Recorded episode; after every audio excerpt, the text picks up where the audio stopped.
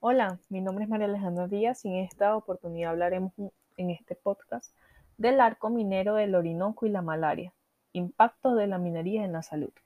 Hablemos un poco sobre la recolonización de la Amazonia y la Guayana venezolana para la explotación de minerales. Esta ha provocado desequilibrios ambientales que se reflejan en el aumento de casos de malaria, teniendo en Venezuela un repunte de la enfermedad en los últimos años que ha activado las alarmas internacionales. Para el año 2014, el país alcanzó 91.918 casos de malaria. En el 2017 fueron 406.000 casos, mientras que para el 2018 fueron 411.586 casos, siendo estos datos significativos para la región de las Américas, pues para el año 2017 aportó el 53% de los casos reportados en el continente. Todo esto según el autor Oropesa en el 2019. Además, al constante migración de los venezolanos a países vecinos ha procurado una dispersión de la malaria en distintos sitios receptores. El respunte de la transmisión de la malaria es consecuencia de la crisis socioeconómica que padece la población venezolana. Dicha precariedad es el motivo principal por el cual cada vez más personas se dirigen desde diferentes ciudades y localidades hacia las minas ubicadas fundamentalmente al sur del Orinoco, colocando sus vidas en riesgo por múltiples factores como violencias, precarias condiciones de trabajo y, no menos importante, la alta probabilidad de contraer enfermedades propias de los ambientes mineros, tales como lo es el paludismo. Esto último hace que se represente entonces otro problema en el contexto de emergencia humanitaria compleja que vive el país.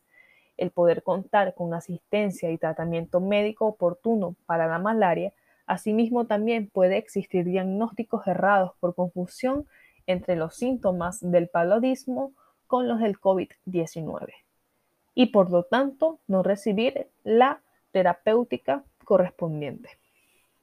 La cultura minera que impulsa el Estado a través de la propaganda asociada al bienestar, riqueza y superación de la crisis económica incita a la población a sumarse a esta actividad económica, siendo el arco, perdón, siendo el proyecto del arco minero del Orinoco el decreto número 2248 dado el 24 de febrero del 2016, el cual establece em, la zona de desarrollo estratégico nacional.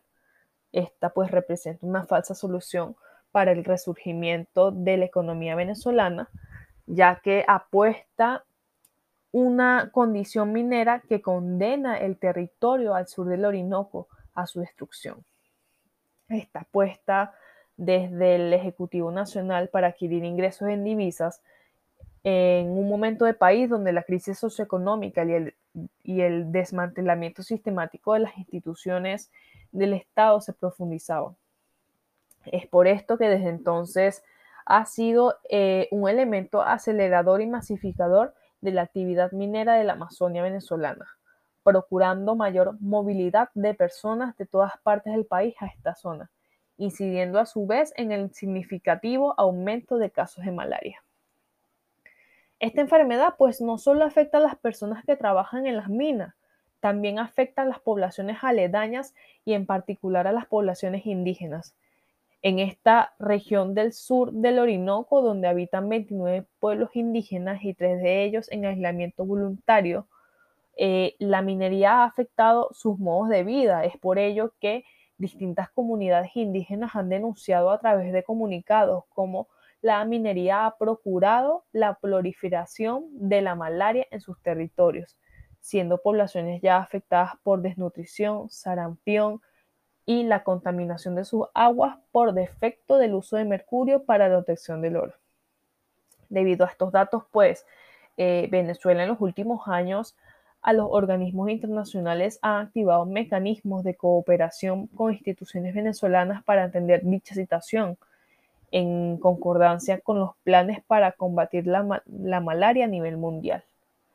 El Plan Maestro para el Fortalecimiento de la Respuesta al VIH, la tuberculosis, la, la malaria en la República Bolivariana de Venezuela, desde una perspectiva de salud pública, plantea las situaciones epidémicas en nueve estados del país, como lo son Bolívar, Amazonas, Sucre, Monagas, Delta Macuro, Anzuatequi, Nueva Esparta, Miranda y Zulia. Y argumenta que el determinante principal de la transmisión y dispersión de la malaria en el país se debe a la migración masiva por la actividad minera. Asimismo expresa eh, que la transmisión sea en el estado del Amazonas. Actualmente en las minas no existe ningún tipo de centro de salud para la asistencia pertinente de pacientes con paludismo, pero por el contrario, se existe todo un comercio asociado al extravismo minero como bares, bodegas, entre otros.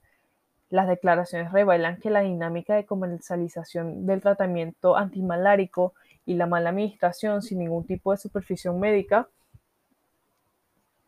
eh, afirman que la venta de este tratamiento puede llegar a costar un gramo de oro. Y que, mm, y que el mismo paciente contagiado no compra su tratamiento, simplemente muere. Además, esta situación de la malaria se agrava en estos momentos, ya que atravesamos una pandemia del COVID-19, pues todos los esfuerzos están abocados en atender a quienes padecen el coronavirus, tanto personas de salud como insumos, mientras que los focos mineros aumentan en el territorio y continúa el ascenso eh, los casos del pobladismo, sin establecerse aún un plan de abordaje adecuado que enfoque en la causa. Es de gran preocupación todo esto que estamos viviendo. Em, por el momento el gobierno no procura detener la minería, aún sabiendo que es la actividad determinante para la prevalencia e incidencia de la malaria, sino por el contrario, el Ejecutivo Nacional lo estimula con políticas como lo es el Plan Nacional de Minería, acompañado de una propaganda promisoria de esta actividad extractiva como la solución para enfrentar la crisis económica del país, calificándola pues con adjetivos decorativos como que es sustentable, económica, en armonía con el ambiente y ecosocialista, siendo esto pues una falacia más para disfrazar las grandes consecuencias del extravismo minero. La epidemia de la malaria actual es tan solo una de las tantas consecuencias de, la devastación minera en Venezuela, siendo esto muy preocupante, pues sin salud ambiental no existe salud humana. Sin más nada que agregar, esto sería todo. Espero que haya sido de su agrado. Muchísimas gracias.